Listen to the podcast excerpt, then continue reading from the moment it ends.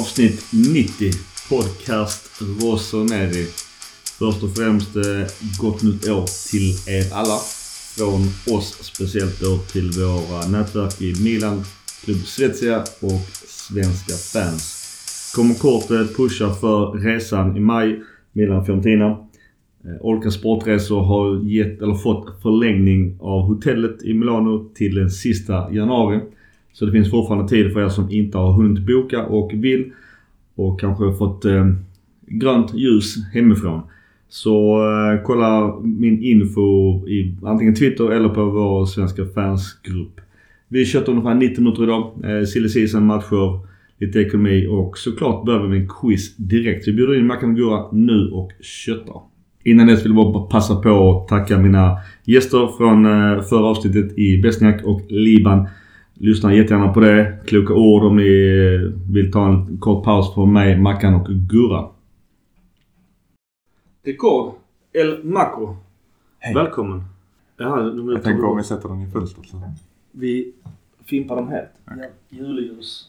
Vi har försökt mycket göra det fint medan Mackan bara nej bort med alla ljus. Vi hatar Julen är dem. över. Ska Julen är slut nu. Jag tycker inte om julen. El Macro, välkommen och god fortsättning. Detsamma, tack. Gurra, har, har du någon smeknamn på dig? Räcker inte med gurra. Ja, fair enough. Välkommen och god fortsättning. Tack. Har ni haft en, eh, en bra jul? Bara för att kallprata innan, som vissa poddare gör. Snacka bullshit innan man kommer till roliga. Som varje år så har vi bestämt oss att vi ska ut i god tid och fixa undan allting typ efter midnatt eh, på julafton. Tack och lov på internet eller? Det och eh, just det här att man köper grejer så, nej, så ska man packa in det fint, säger frun. Helt ja, visst ska man ha det. Ja, men varför ska du packa in det fint i en fyraåring påstår jag då. Hon tycker väldigt annorlunda så hon sitter och packar in det varenda grej. Ja, det är kul Ja. att Ly- lycka till att vinna det argumentet. Nej, nej, så att jag brydde mig inte. Ja. För det. Jag fick göra köttbullar Jansson istället. Fair enough. Gurra, vad fick din son? Har du haft en bra jul? Ja, jag har haft det bra. Han fick det han ville ha. NHL 22, Fifa 22 och eh, Vilken konsol? PS4. Ja. Och så lite andra fotboll och hockeyrelaterade grejer. Böcker. Ja, lugnt och skönt. Då får han visa mig hur man spelar NHL. För jag försökte det med frugan på vår PS3. Han Hon slog, slog mig. I, hon slog mig. Hon har aldrig spelat NHL. Det är inte jag heller i och för sig. Men fan vad jag, jag var dålig helt enkelt. Han slog ju mig nu för första gången någonsin på ett tv-spel i en NHL-match. Min, på tal om hockeyspel. eh, Alla har ju, i vår ålder hade ju ett bordshockeyspel när man var liten. Mhm.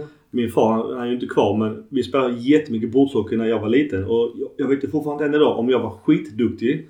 Eller om han sådär lät mig ibland vinna så 10-9. Men fy fan vad mycket vi spelade bordshockey. Han lät dig vinna. Förmodligen ja.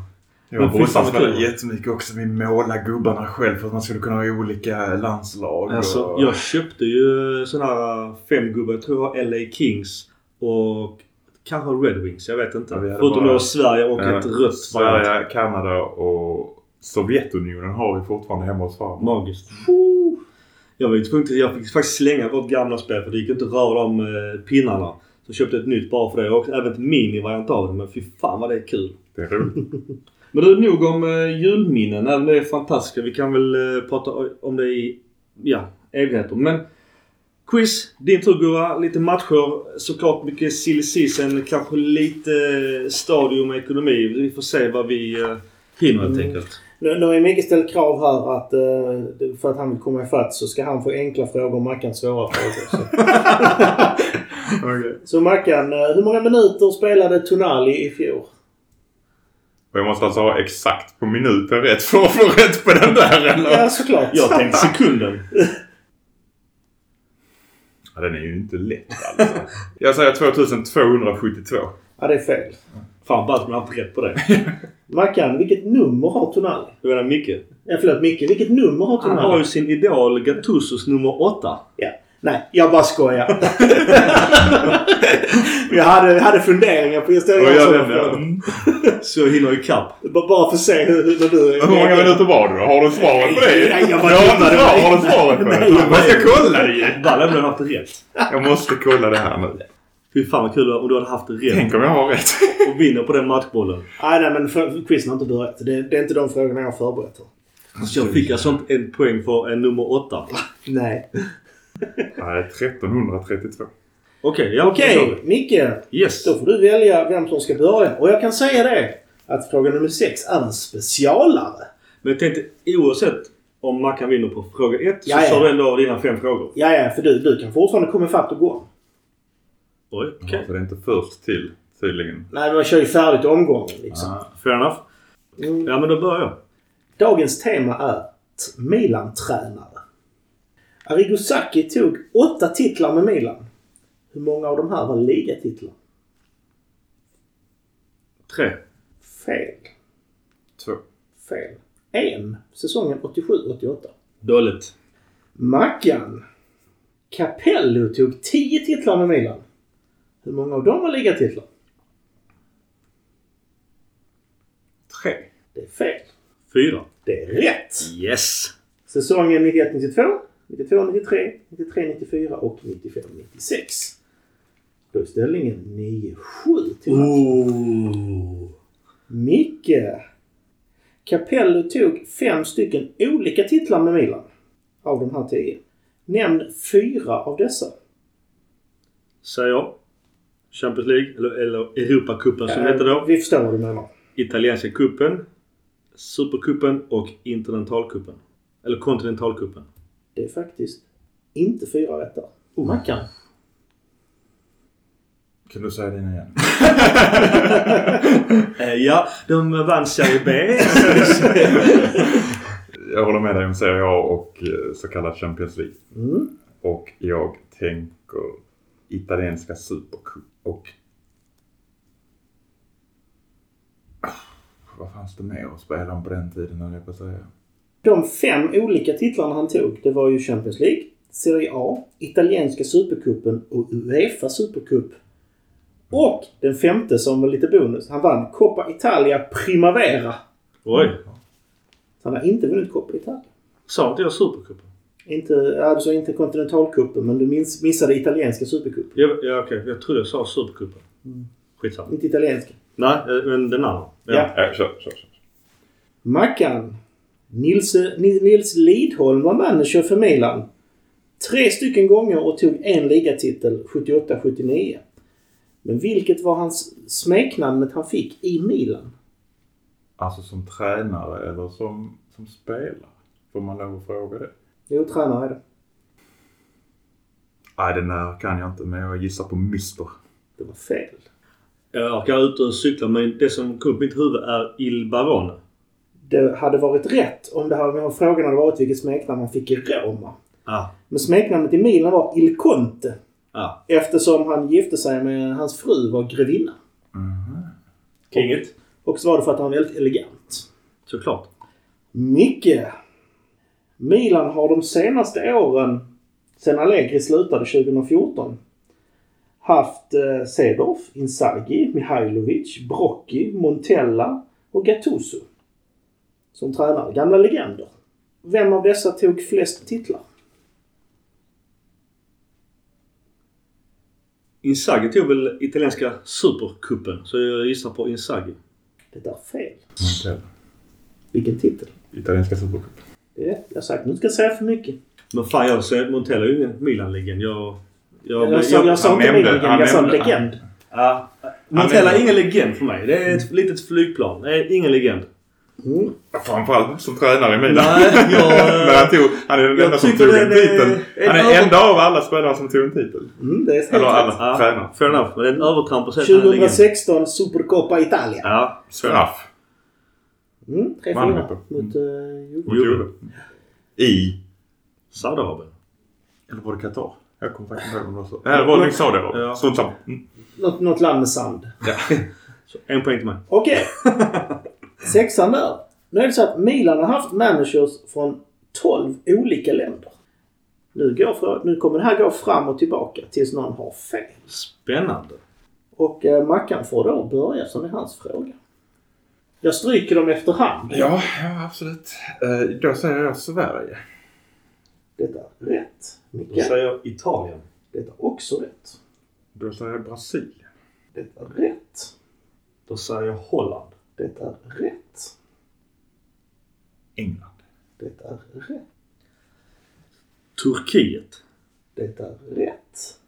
Nu börjar det kännas. det var lite jobbigt. Ja. Nu börjar det kännas. Nu finns det fem länder kvar. Fem länder kvar. Så nu drar jag bara till med en gissning och vet inte vem det skulle vara, men jag säger Tyskland. Ehm, det är faktiskt helt rätt. Det var Hermann Felsner 1937-38. Ja, men det kunde jag ju. Det var faktiskt rätt. Tyskland är där. Ska jag också ta ett storlandslandslag då? Spanien. Spansk. Och där går Micke B. Oh! De övriga vi har haft är Österrike. Ungern. Josef Banjas har varit... Uh, Banaz har Just varit han tog ju mest Men poäng. Österrike och Ungern är ett land. Eller? Nej. Det är från Österrike, Ungern, Argentina och Uruguay också. Uruguay. Mm. Vad kan det vara? Ja, de hade jag inte koll på. Uruguay var... Ska vi se här. Oscar Tabares. 96-97 som var coach eh, tillsammans med Giorgio Morini. Det är inte så länge sedan. Va? Måste vara direkt efter Capello. Japp. Okej, ja. Den, Ja, ja, den- grattis Mackan. Är det, är det 1-0 i set eller kör vi en ny match? När Gurra har sin quiz. Du får välja själv. Vi kan köra set. Det här är bara... Det är Det är någonting jag har lyckats ha något bättre än någon någonsin. Eller- hade varit om de tagit, eh, minuterna på tunneln. Det hade varit så jävla kul. Då är det 11-7 då i första set till Mackan. 1-0. Och Då fortsätter vi nästa gång. snyggt, snyggt. Men Är det bäst av 7 set eller 5 set Micke? Eller Ja, vi får väl se hur länge vi orkar. Vi, Ja. vi kör Så, varannan så länge du orkar hitta på frågor kanske. Jag kan hitta på många dumma frågor. Hitta på frågor är väl lättare. Det, det är lite kul för det är lite variant. Jag har ju spår på spåret-varianten och du har den här typen av quiz. Så att, Kul! Vi vänder blad och börjar kötta lite matcher. Nu Så knäppte himla, jag. ja, nu knäppte du med pennan. Det kommer du få höra sen när han redigerar. Det är därför du, Sluta för helvete och knäppa med pennan kommer det sen. det är därför du inte ska ha såna knäpppennor. Innan utnämnde jag Micke till ljudfascist. Ja. Jag tar dem. Och jag sa att det var sagt med kärlek också. Sant, sant.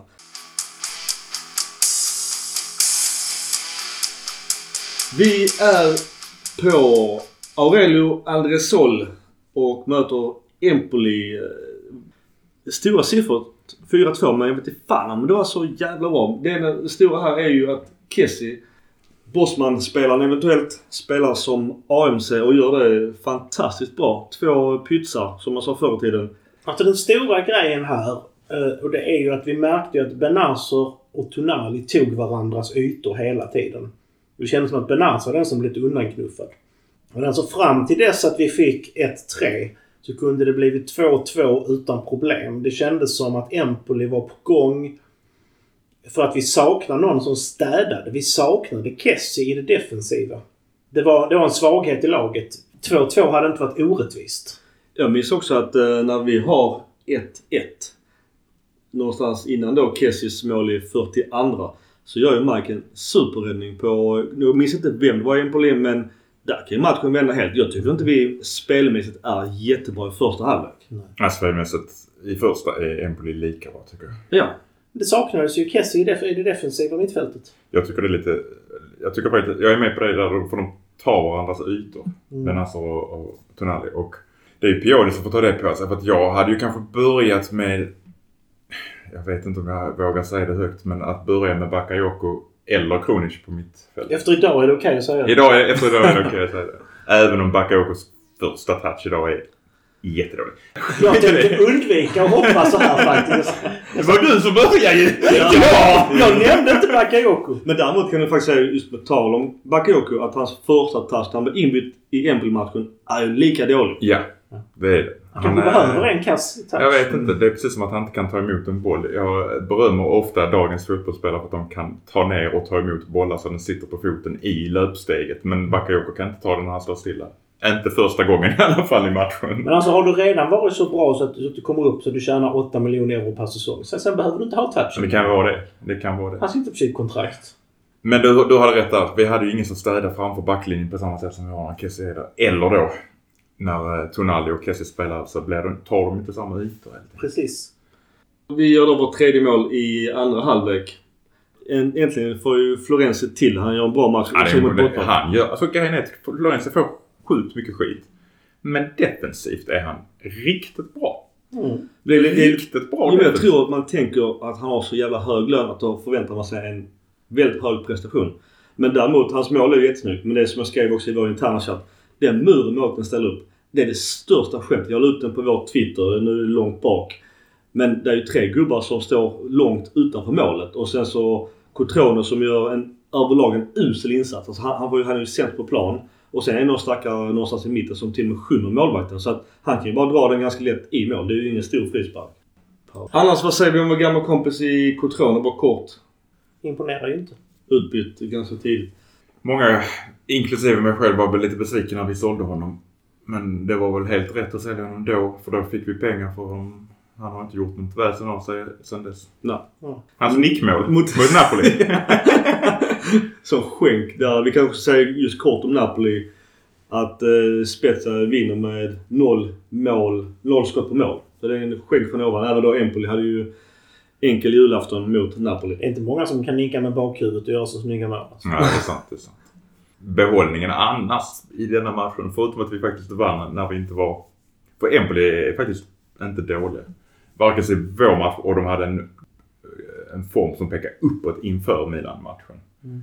Men Romagnolis volley. Ja. Alltså Förtjänar bättre. fan att inte den kunde få bli ett mål.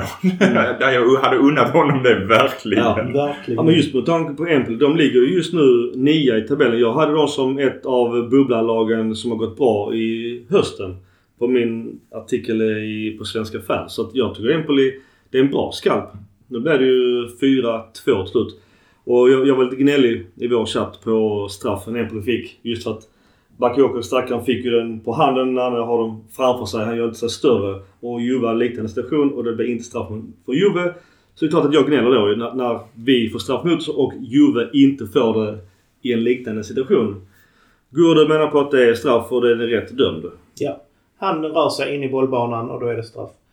Kessel gör det ganska bra som ANC.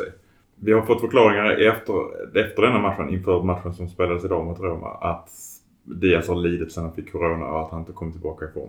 Man, man kan ta bort Diaz ganska enkelt om man spelar fysiskt. För han är mycket mindre än alla andra. Mm. Och han har tyvärr inte den snabbheten som, som större artister som Messi och, och kommer undan med det. Mm. Men Kessie tar du inte bort. Nej. Springer du på honom så flyger du själv. Kanske lite överdrivet men Mm. han kanske hade kunnat göra ett par mål till i den matchen om han inte hade haft sina förbannade fötter höll jag på att säga. Men han har ju lite träfot helt enkelt. Det jag gillar med Kessie, det är ju hans andra mål. Det är ju inte ett jättebra läge men ändå. Han, han bara drar ett mål. En halv tårfis. Jag, jag älskar tårfis. När jag spelar inomhusfotboll. Jag sköt bara tårfis. Alltså oförutsägbara skott och går fort som fan. Och det är bara så, men, men testa skjut. Träffar de mål så kan allting hända. Och det gillar jag med Kessie. Att han gick in ganska dålig vinkel. Men sköt. Det, det är upp till målvakten. Du ska leverera som målvakt. Gör du inte det blir det faktiskt mål. Tåfist är helt oberäknelig. Jag älskar tårfis. Mm. Varför, varför skjuter inte folk tårfis i, på denna nivå? Kolla Romario. Han sköt ju bara Romario var bäst. Tåpang. Han kunde ju sikta Bara, den. Han Alltså bara den. hopplöst att möta. Jag ska bara säga just det med, med Diaz. För jag, jag har ju, jag måste ändå göra reklam för Milan och deras YouTube-kanal. Kostar ju ynka 9 kronor i månaden. Där berättar ju Piolo, precis som du sa Mackan, just med, med Diaz att det finns ju en förklaring. För vi tänker, vad fan han är dålig. För han, för han har ju varit dålig, det ska vi också säga. Han har varit dålig och därför säger vi att han var dålig. Men sen finns det en anledning till att han har varit dålig. Det vill säga att han inte är helt hundra årställd efter det där jävla coronapisset. Men problemet här då är ju faktiskt att Milan har ju en skyldighet att leverera i matcherna. Vi kan inte komma och säga ja vi blev bara sexa men vi hade ju spelare som eh, var, lite, var, var dåliga och men fick spela ändå. Han ska ju inte få de minuterna om han inte är i form och det är ju Piolis fel. Alltså en opopulär åsikt som jag har sagt till er. Vi saknar Hackan. Mm. Och jag det. saknar inte Hackan som spelare. Jag tycker bara att vi inte har ersatt Hackan. Det är nog så jag istället ska uttrycka mig. För jag tycker inte det. Men det är jobbigt att säga att Hakan är så jävla bra i Inter just nu. Och Inter har varit 17-0 på senaste fem matcherna. Det, det är ju jobbigt imponerande. Och det jobbiga är att just Hakan då och Zeko, ny tränare, Dumfries. Alla de fyra har ju gått in och bara som perfekta pusselbitar i deras bild. Jag tänkte och hoppas på att det skulle ta några månader. Nu har de redan satt sin jävla bild. Det finns mycket att säga om Hakan. Vi, eh, vi är lite korrekta där så, så jag säger inte mer än så. Men det är ju störigt som fan att han går som bossman och levererar så in i helvete i Inter. Men det, det är inte det jag... Jag stör mig faktiskt inte så jättemycket på det. Jag stör mig på att vi inte ersatt honom ordentligt. Ja, det är det jag stör mig. Jag håller med med Mackan där faktiskt. Att, att han, han, han, han spelar färdigt sitt kontrakt. Han gjorde det han skulle här. Eh, Milan uppfyllde sitt del av kontraktet, betalade ut lön. Han uppfyllde sin del av kontraktet och spelade och gjorde så bra han klarade av då. Jag tror inte han gick på någon halvfart. Sen så gick, sen var kontraktet slut. Han skrev på för en ny klubb. Jag skiter egentligen i det. Men det som du är inne på. Vi har inte ersatt honom. Vi hade behövt en AMC. Men där menar Maldini och ledningen att vi, vi har Diaz. Vi kommer att satsa på Diaz. Och det gjorde de. Och det gick ju bra första 5-6 matcherna. Absolut, men var är Diaz Diaz? Ja. Alltså som Diaz var till Hakan förra säsongen. Vem är det? Ska det vara Messias? Han spelar bara högerut. Det ska vara Maldini då misstänker jag. Ja, men har han fått spela någonting? Nej, då sätter vi en Kronic där istället när Diaz har varit skadad eller co- covid-sjuk. Det är det sjukaste av allt. Jag vet inte riktigt. Jag tycker... Vi har haft för många skador. Det kan vi prata i en oändlighet om skadorna. För att vi skulle kunna sätta andra killar där. På den positionen. Men jag tycker inte vi har en naturlig andra man på den positionen. Eller snarare Diaz är andra mannen fortfarande på den positionen. Ja, det är nog så vi ska se honom. Han är en andre man som ska kunna leverera ibland. Men vi har ingen första. första Nej. alltså. Det är tufft att ha nummer 10 då, men på uppstuds här nu. Just skadorna är också en lyssnarfråga vi har fått flera av. Ingen har missat att vi har helt mycket skador. Det skrev vi också i den här i- artikeln på, på nätet. Vad fan ska vi göra åt det? Eller varför har det blivit som det blivit? Är det att vi har en ny plastmatta på Milanello som är stenhård som gör det? Eller? Det sa Zlatan i alla fall. Det sa Zlatan ja, men för det är mycket muskelskador. Det var, jag ska inte säga skönt, men jag följer ju inte slaviskt de andra lagen i Serie A. Men det kom ju helt plötsligt en, eh, en statistisk jämförelse med muskelskador för topplagen i Serie A och Milan låg ju på, jag tror det var över 50 procent Vi var ju världsmästare ja, ja, än alla andra i topplagen. Så ja, då har vi i alla fall svart på vitt att vi har fler muskelskador än andra lag. Och när det är svart på vitt så ser man ett resultat och då måste man ju åtgärda det pronto. Precis. Så att jag hoppas ju nu att antingen får de bara skrota, gräva upp den jävla pissplasten och göra någonting åt det. För att vi kan ju inte ha spelare som går sönder på träning. Men det är väl det som har varit det stora problemet. Att de flesta av våra skador har ju inte varit under match. Nej. Och då är det ju någonting som är jävligt fel. Ja. Ja, vi antingen får byta ut hela fysioteamet eller får vi gräva upp gamla Milanello. Eller?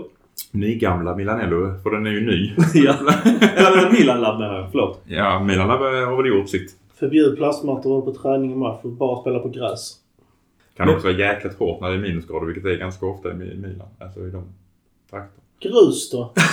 Fair enough. Jag skrämde mig själv när man var liten. Grus. Inte heller hårt. Den tiden man spelade på grus var inte spelare lika gnälliga på planen. Det är ju jättekonstigt. Visst nu blir det ju plast ändå men att det inte är en så stor klubb. Lite som, nu ska jag inte göra reklam för Manchester City. Men den här dokumentären eller serien på Netflix. Reklam igen. Men fan vad den är bra. De har ju en magisk inomhusarena. Nu är det förmodligen också plast i den såklart. Men hur kan inte Milan ha någon liknande? Och just det här allting som alla faciliteter City har byggt. Visst, helt andra pengar. Men det är sådana detaljer som skapar ett vinnande lag. Alltså till world class. Det jag vill se nu när vi eh, bygger en ny stadion. eh, det är ju att göra som Ajax. Ajax har ju en hel gräsmatta som de bara kan rulla ut. Mm. Och så står den bredvid och växer till. Behöver de träna så rullar de in en träningsmatta. Mm. Så de har två gräsmattor så de växlar mellan. Under tiden så står de ute i solen och blir perfekt vattnade och allting. Så när Milan har sin så vill man ut den. Och sen när Inter spelar då är det en sån jävla ängsåker så bara varsågod. Det tycker jag låter bra. Ja. Men du, något annat kort om Empoli innan vi vänder blad. Vi, vi, nu är det fel ordning. Jag, jag pallar inte klippa utan jag, jag får köra. Att vi tar det i, vi- innan vi vänder till Napoli. Vad har vi något mer att säga sista om, om Empoli? Alltså Kessie gör det bra som AMC men det är inte där han ska spela. Vi borde kunna ha en riktig AMC. Kessie gör tjänstefel på deras första mål men han räddar upp det med två av sina egna. Det är väl det jag tar med mig från den matchen. Man kan vad säger du? Sista. Det var en liten... eh, Jag var ju- ängslig. Med tanke på alla skador vi hade i, framförallt i anfallet. Och, eh, det var väl en lite tidig julklapp till supporterna. Tyckte jag att vi lyckades vinna den hyfsat enkelt ändå. Ja. Sälenverkas var ju också väldigt bra. Det kanske vi ska tillägga. Ja, Han på, är- på vänsteryttern. Ja. Och han låg ju mer eller mindre bakom alla fyra målen på ett eller annat sätt. Så att eh, Sälen ska absolut få cred i denna matchen. Och sen som, som vi sa innan. Romagnolis eh, ribbskott den bollen. Fan, tråkigt. Jag måste lägga till en grej också. Många som gnällde på Giroud också i den matchen. Kessis mål håller han två försvarare själv. Mm. Kessie hade inte kunnat göra mål om inte, om inte Giroud hade gjort förarbetet. Han får assist, Sluta gnäll. Ja men han, får han fick ju På assisten. riktigt. Han, Sluta gnäll. ja, men Giroud, eh, alltså han levererar ju match efter match. Det är bara att inse. Ja, poängmässigt. Skademässigt är det inte så bra såklart. Nej. Men det, det är ju fortfarande inte hans fel. Mm. Så att, nej jag tycker, tycker det är onödigt mycket gnäll på våra spelare. Vi lämnar Empoli. Och går bakåt i tiden. Backar vi till 19 december. och så backar vi, som du sa, hemmamatch mot Napoli. På eh, San Siro. Och då har vi också en gammal eh, Milan-anfallare som vi möter i Paitengda. Nu gjorde inte han en jättebra match. Tack och lov. Det är en spelare som jag har velat se Milan ganska länge. Till och från att han blev utskuffad för, vad var det? Matri. Matria. Var det inte det? Också i och för sig en Milan-produkt men att de köpte honom och knuffade undan Ja, det var tjänstefel av Galliani. Ja, det stackars Petagna grät ju. En supermilanista. Men vi eh, förlorar inför 54 647. Massa dömer bort vårt mål. Vi tar den pucken direkt. Eh, Giroud ligger raklång i straffområdet. Eh, Rahimi och han, eller det är Jesus och han som hade någon batalj. Och sen så gör då Kessie igen mål. Det firas. Eh, helt plötsligt så är det VAR. Kessie eh, som jag blev bortdömt. Eh, det visar sig att Giroud ligger raklång och är offside. Eh, spontana reaktionen var ju att jag var ju förbannad såklart. Eh, som många andra Milan-fans. Men eh, Jonas Eriksson som jag följer på Instagram, han säger att det är rätt. Gurra, du har också samma åsikt som Jonas Eriksson. Ja, ja, dels så känner jag att det påverkar. Den är tuff att ta. Eh, Jag kollade även upp det med kompisar som är, som är domarinstruktörer och de säger att ja men alltså ligger man i en hög, har kontakt så påverkar man varandra. Och det är det som avgörandet är. Det var nog det han kollade på skärmen. Har de någon form av fysisk kontakt, ja eller nej? Trist läge. Man kan tycka vad man vill om regeln men det är troligtvis korrekt dömt, tyvärr. Man kan ha åsikt om straffen eller besvikelsen. Det är ju en jävla besvikelse. Milan spelat ganska dåligt. Vi får krysset som är avgörande viktigt. Jag håller med dig. Vi spelade ganska dåligt men jag tyckte... Alltså förutom Napolis mål var de inte bättre. Tyckte ni det? Alltså, jag tyckte det var en ganska jämn match. Elmas nickmål är- efter fem minuter. Det, det är ju Ja men det, det är ju okoncentration igen. dålig markering. Ja. Det var väl jämndålig match. Vem var det som var? Zlatan och... Tonali. Du, Tonali det som- pratade du och jag om i Milan Club Svetsens live eftersnack. Vems fel är det man ska leta fel? För att Tonali ska hålla första stolpen och någonstans en, gå från sin yta. Zlatan tror ju att det är lättare att pusha, attackera framåt än att Zlatan ska ta den bakåt. För att han vet inte hur det ser ut bakom ju. Men någonstans hamnar ju båda på, på mellis. Och det Ja. blir... Alltså det, det ser ut som det är Zlatans zon bollen kommer in i.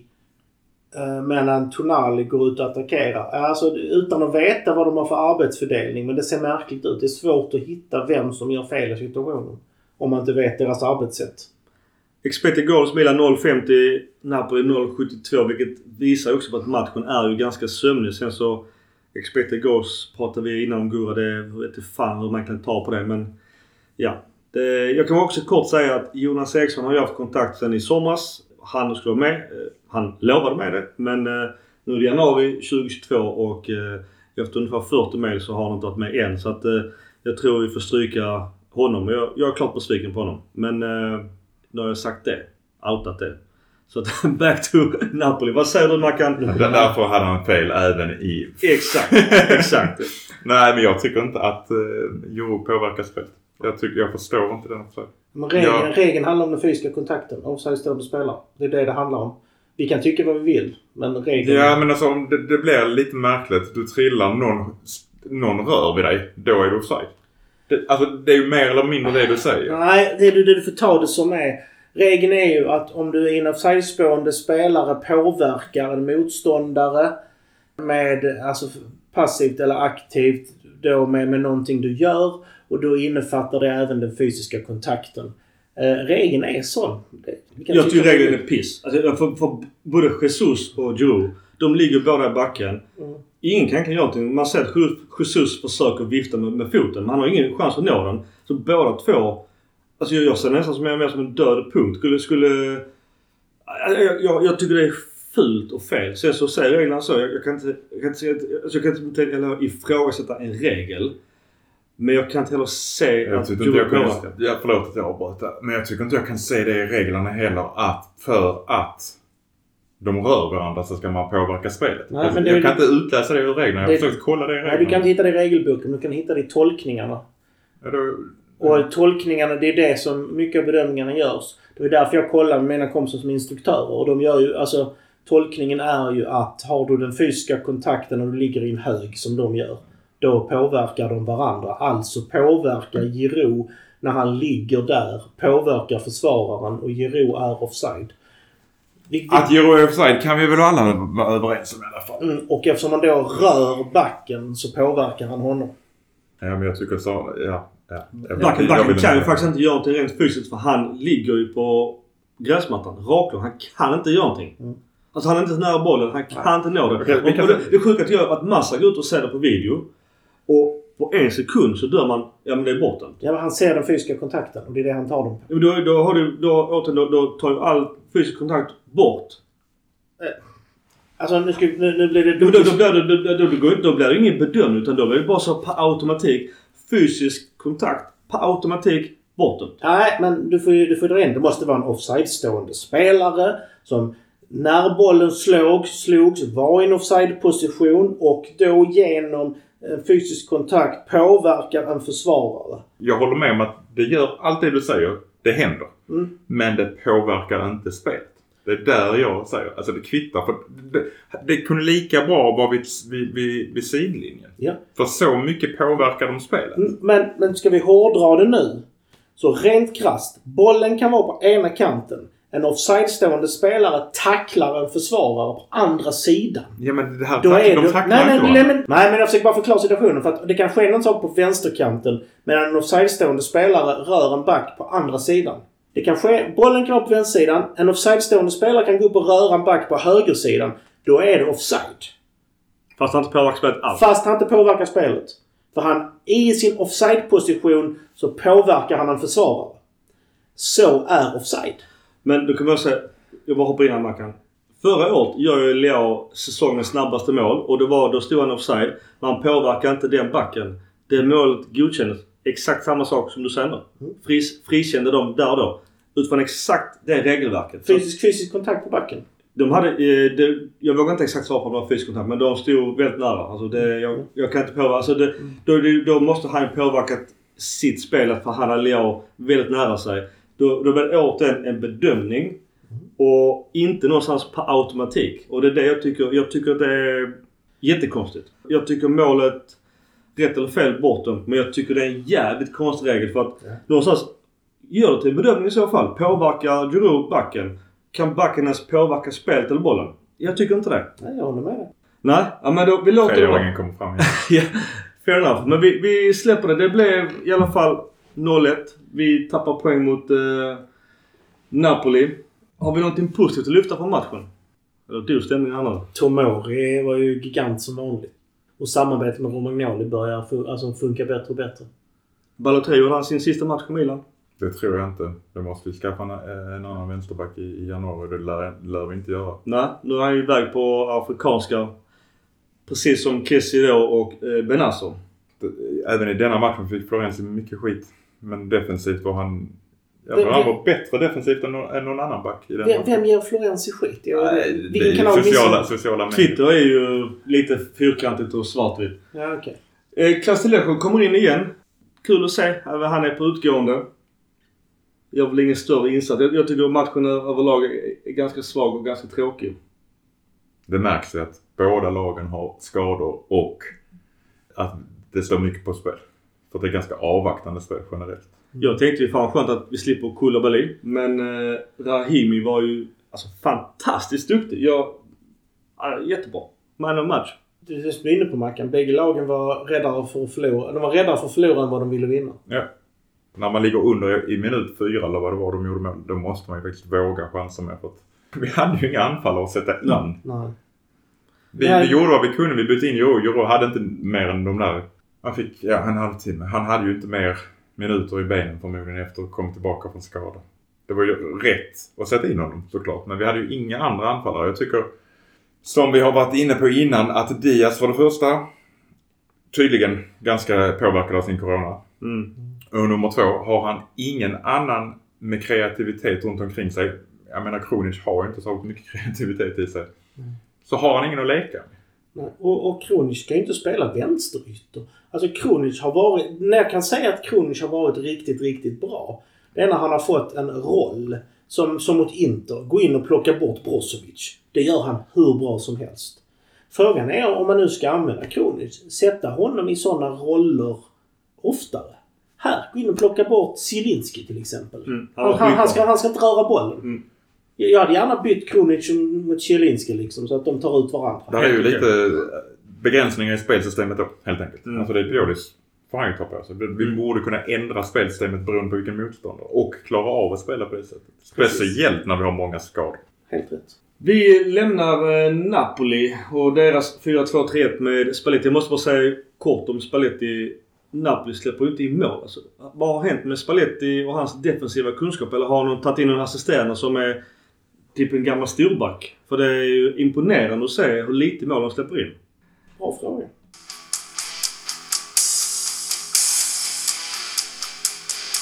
Och då är vi i rätt ordning igen till kvällens match. Milan mot Roma. Nu är det lite begränsningar igen. Det har inte kommit in eh, än eh, publiksiffrorna men det är ju 50% Jag vet inte hur länge vi kommer ha det på San Siro. Eh, in, innan på tal om San Siro, bara kort pusha för den här resan som vi pratade om Milan-Fiorentina i maj månad med Olka Sportresor. Gurra är klar, Mackan du är tvek. Eh, jag är också klar. Det kostar 2995 kronor. Då får man ett fint hotell mitt eh, centralt.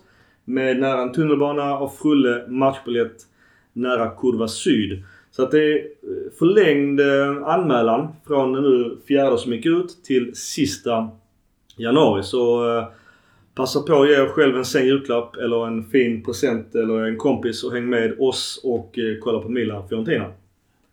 Tillbaks till matchen kvällen. Spontant eh, förutom expected goals återigen där vi har lite mer två. Vi gör tre mål och har två i virket. Så att expected goals eh, tycker jag är mycket konstigt. Det ska jag se om jag kan få prata om med Ola. Så att han får reda ut det här med expected goals. Gurra, vad säger du som har matchen på hornhinnan? En stabil match från Milans sida. Vi, eh, Roma kom aldrig riktigt in i det på något sätt. De fick det här målet men den var, det var en tillfälligheter som gjorde det. Jag tyckte vi hade kontroll på det. Tonali var en gigant. Diaz, undrar, förutom skottet, undrade jag vad han höll på med. Eh, samma sak med Kronic. Vad, vad gjorde de på plan? Giroud höll i, slet. En riktigt fin assist där till Messias. Eh, en stor behållning också sen det är ju Gabias eh, uppspel. Som Smalling styr vidare till eh, Leao där i slutet som han gjorde mål på. Pickt inhopp av Leao. Det visade sig att han var spelsugen, han ville springa, han var... Så vi gör det riktigt bra. Mackan, vad säger du? Matchen är aktuellt eh, precis ikväll innan vi träffas. Alltså inför matchen var man ju orolig med tanke på vilka covid-fall vi fick igår.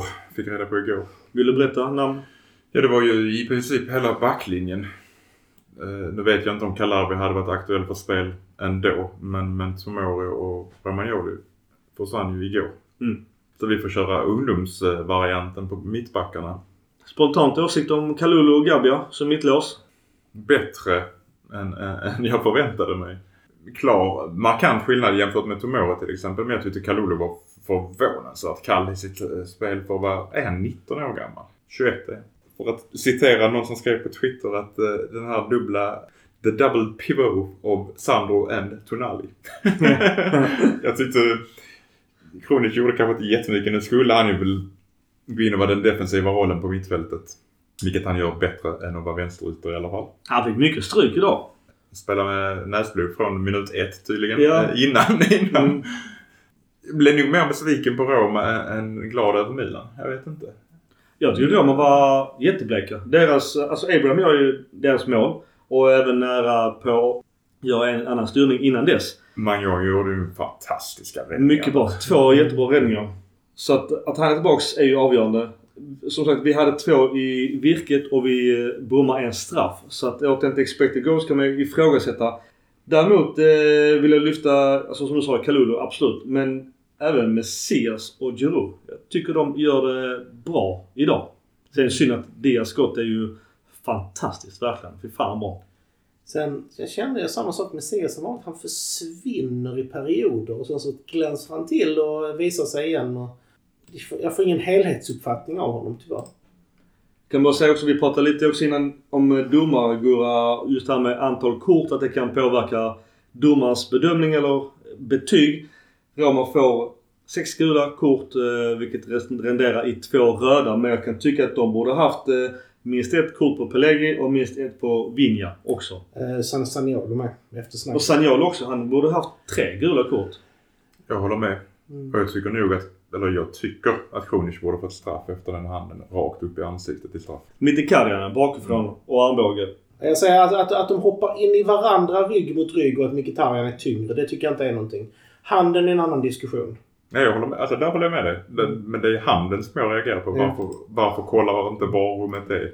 Eller varför släpper de det om de kollar? Alltså de har ju kollat det varum. Varummet kollar ju de här situationerna.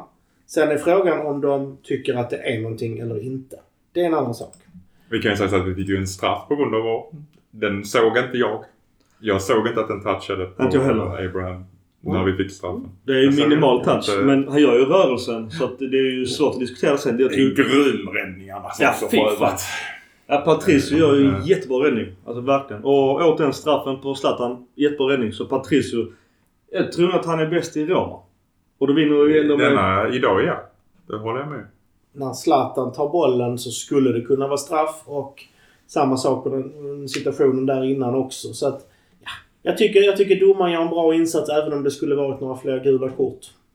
Jag håller inte med att Zlatan dör straffen. Det hade varit en, eh, en extremt soft penalty. Han, han sätter benet mellan hans ben. Jag, jag, jag tycker absolut inte det. För att... Eh, och jag vet, Roma hade också en önskan om ett Sagnolo, en straff där. Det är ju filmning på Sagnolo. Jag... Mot Eh, Tonali. ja. Ja, det, Alltså, han ska ha kort, det- för han Han ska ha filmar kort ju. för filmning där. Håller jag med dig. Och de, de tar på VAR, men jag fattar inte det. Jo, så här är det. Är Varför får man inte kort på filmning när de tar VAR? På nej, straff? eh, så här. Det finns en, eh, en gammal... Ett rättesnöre, ska man säga rätt eller fel. Men har det varit fysisk kontakt och du överdriver så blir det, så blir det inte varning för det. För att den fysiska kontakten kan påverka även om du faller lätt. Men om det inte är någon kontakt och du bara dör, då är det alltid gult kort. Ska det vara i alla fall. Det, jag kan väl hålla med om att det är fysisk kontakt för de kör ju axel mot axel i, i situationen innan. Så. Precis. Men det är definitivt inte straff i alla fall. Nej. Nej, nej, nej. Alltså allmänt att eh, de var gnälliga. Eh, Det var ju massa tjafs också eh, med Karstorp då. Fick ju sitt kort innan ju. Här kan man ju säga faktiskt att vi gör korrekta byten. När Roma i andra halvlek får lite momentum och faktiskt pressar oss lite grann. Då byter Pioli och vi ändrar matchbild direkt i princip. Ungefär timmen. För det sa jag också. Ja. Jag och Gurra pratade med. Vi såg matchen tillsammans. Och jag sa att nu måste Pioli agera. För att nu har vi inte haft mycket boll och de börjar ta över. Och det Och gjorde han. ja. Han gör det nästan direkt. När man märker det. Och det är stor skillnad. För vi kan säga att Sälemakers var bra mot Empoli.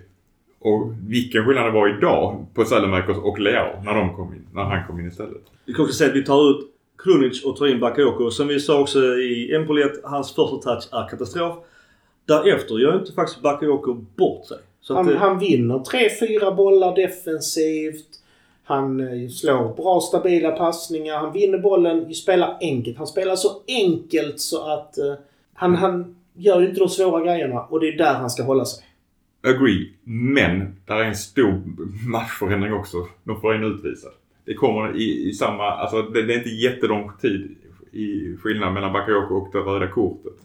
Eller 10 minuter ungefär. Ja. Så att efter, alltså, det blir ju såklart enklare att spela defensiv mittfältare när de har ett rött kort. Absolut. Eh, Men, Jag tycker ändå han... men han gör inte bort sig på något sätt Nej. efter första touchen. Jag tror det, jag tror där tror jag faktiskt Pioli har satt direktiv. Okej, nu går du in och du bara vinner boll och spelar enkelt. Mm.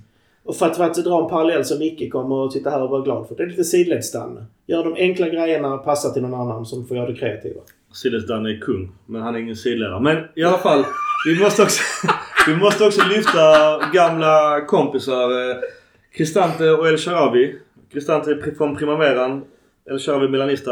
Deras insatser var blaha. Eller? Fick, Vad inte, fick ju som sagt var inte mycket tid på sig med fullt lag. Så jag vet inte om det... Ja, alltså jag kunde nästan lista ut att Karstorp skulle få ett andra Ja. gula. Alltså, Han men borde haft det innan dess. Jag kan säga det i ansiktet på honom. Han galade ju. I Jag menar- blicken ja. Jo men alltså hans, han borde haft eh, kort även innan, Innan han fick tacklade. Teo Ja. i den vid hörnflaggan. Så Ja. sjukt onödigt. Bara gå in så hårt bakifrån mot en ganska filmande Teo annars. Det är så dumt ju. Och jag sa det till Micke där. Slår Tonali den passningen lite svagare bara för att det ska bli en duell så Karstorp ska ta det gula kortet. För att han hade kunnat slå den lite djupare. Då hade vi fått, kommit runt antagligen fått ett läge. Inte förvånad om det var en, den passningen gjordes så av Tonali avsiktligt. Precis utanför. Och där gör ju Florenzi en sjuk frispark som tar i kryssribban. Det är sinnessjukt. Och det är också, där, också i den situationen, jag kanske minns fel fast eh, vi såg den ikväll. Men det var den eller en hörna. Men där är också en situation där en eh, back eh, armbågar vår offensiva spelare i straffområdet. Som borde renderat i straff. Jag tycker Roman kom billigt undan fast Mourinho kommer gnälla som fan. Straff, utvisning, massa gula kort. Men Roma spelade riktigt grisig fotboll idag. Ja, det gjorde de. Och var inte värda en enda jävla poäng. Någonting hände med dem efter halvtid, lite som vi pratade om. De kändes lite stabila där i början av andra halvlek. Men sen så hängde de inte med ändå. Sen Mancini när han går in och börjar tjafsa och skrika och snacka till sig ett gult kort. Ja, det var typ bra. Slänger kaptensbindeln. Alltså det är så pinsamt som kaptener beter sig så. Kändes väl inte helt rätt att Theo Hernandez var kapten idag. Nej. Men det var väl på din teori vi satt Ja men, men vem, jag, jag matcher. också. Vem, vem har flest matcher? Det är Theo Hernandez idag. Och det är helt sjukt att han är den som har flest matcher. Har han varit där tre säsonger? Ja, knappt. Ja. Fått spela. Första fick han ju knappt spela. Ja. För då hade vi Jim Paolo som var tränare inte lät honom spela. Mm. Vi måste också nämna att eh, Conti kommer in. Har väl förmodligen gjort sin sista match i Milan. Det är snack om Empoli. Vi kan ta silly season senare. Det är även snack om någon byte med någon ung Empoli-talang. Han krigar men han, han gör det svårt. Men Malini får eh, efterlängtat eh, ungefär 10 minuter. Svårt att säga någonting om, om hans insats men det är skönt att se att de i alla fall har honom där på standby. Jag vet inte om jag har sagt det någon gång men Sälemakers fick frågan om vem som hade mest talang. Och han fick då till och med frågan vem som kommer kunna vinna eh, Ballon d'Or. Och det var, han sa Leao eller Maldini. Mm. Så Maldini måste ju visa någonting på träningen som vi aldrig får se för att han inte får spela på match. Som, Och det är också som vi pratade om i Milan Club Stresses eftersnack och även internt. Ska man låna ut Malini Junior eller vad fan ska man ha för träna med de bästa? Spela med Zlatan, se hur han agerar etc. etc. Eller låna ut han till toppen Serie B. Garantera startplats lite som Colombo har gjort en bra resa i Spall. Eller vad fan ska man göra med Maldini? För att han måste ju få speltid. Antingen måste han faktiskt få förtroende. Spela mot bottenlagen. Och eftersom nu Diaz inte håller och inte finns någon annan. Frågan är om han inte ska spela även mot topplagen lite mer. jag tror han kommer att spela väldigt mycket i kuppen nu. Ja. Jag tror han kommer första valet i cup.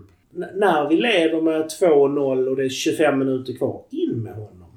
Jag håller med dig. Problemet har väl varit att vi har haft så jäkla mycket skador. Ja. Så vi har inte riktigt haft den här ledningskänslan av att vi, vi kan byta in vad som helst och ändå alltså, Nej. fortsätta leda eller vinna matchen. Jag, på tal om Twitter såg också någon tidigare tweet, jag vet inte exakt om det stämmer, men att just Maldini hade ungefär lika många poäng som just Saniolo. Pretty Boy, eller Wonderboy. Eller Wonderkid. och just eh, Chiesa. Men nu ser jag faktiskt lite update livescore att Chiesa har gjort mål för Juventus. Det står 1-1 just nu efter 63 minuter. Så den matchen följer vi såklart med spänning. Det får gärna sluta 1-1 i den matchen. Men vad har vi mer att säga om kvällens match? Om vi har den eh, aktuellt, eh, lite som kort eftersnack. Man har ju saknat Leo. rycket han gör vid straffsituationen. Ja, ja, Ja, det, det- det är så vackert. Han var så spelsugen. Ja. Mm. Och Maldini var nära att göra mål. Jag satt ju och hoppades lite naivt på att man skulle släppa straffen till just Maldini för matchen var ju död. Men Då det... tittar jag på Micke och frågar, säger jag vet att Zlatan är inne va? Så, Zlatan jagar sen rekord så att jag fattade men... Och det är en bra straff. Patricio gör en bra räddning Nej, på det den. är en dålig straff. Ja, den, är inte, den är inte tillräckligt långt ut. Det är ju Zlatans favorithörn. Ja, det och den, då är den inte till... Ska du lägga den i ditt favorithörn ska den vara längre ut. Mm. Mm. En och en halv meter från stolpen liksom. Det funkar inte. Ah, så illa var det inte. Ja, det var Men, men jag håller med. Det, den är lite lättläst för det är hans favorithörn. Han slår nog 7 av 10 där. Därför gillar jag just Leos avslut. Det sa jag när han kom fri. Och det såg man direkt. Nu var- fick ju Zlatan assist på den vi diskuterade. Är det en back som tar den? Det är Småling som ger Ja det känns så. Ja, men jag tycker att Zlatan har en viss axelrörelse och Gabias pass dessförinnan ska Gabi ha cred för. Det sa du att det var Gabia och det har du Ja, rätt i. För jag såg reprisen. Gabia har jättebra boll. Men ju, min poäng är Leos avslut. Jag tidigare gnällt på hans avslut. Men han hårt mitt i mål. Enkelt. Snyggt. Effektivt. Ja, Det avslutet är riktigt, riktigt vackert. Alltså det är kallt för han, hör, han måste ju höra backen i, i flåsa bakom honom också. Mm. Ändå. Men vad gör han på 60 meter? Det måste ju vara... Det är han och Men Theo Hernandez på ja, vänster. Theo vänster. Hernandez har femte snabbaste tiden i, eller hastigheten i Serie A i år hittills. På 35, någonting kilometer. Men, men alltså tänk att spela på den kanten mot Hernandez och Leao. Man får ta djup.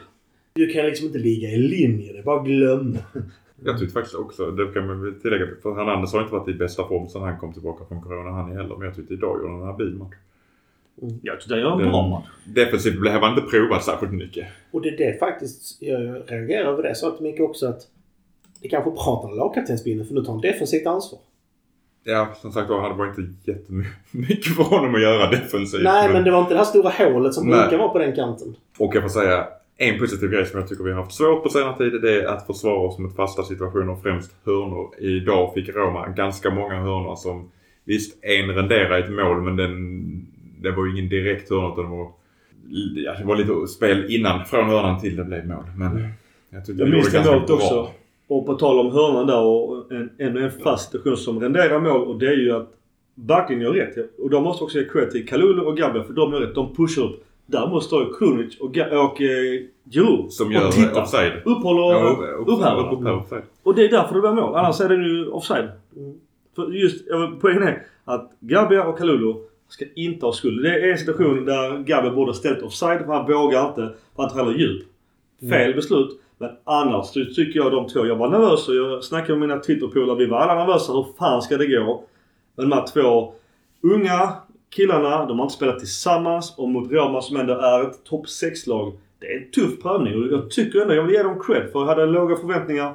Men de gör det bra. Ja, men det är som du säger, de, de missade ett par offside-ställningar. Men överlag var det bra. Nöjda med Roma? Jättenöjda att vi vinner med tre. Ja, ja komfortabelt.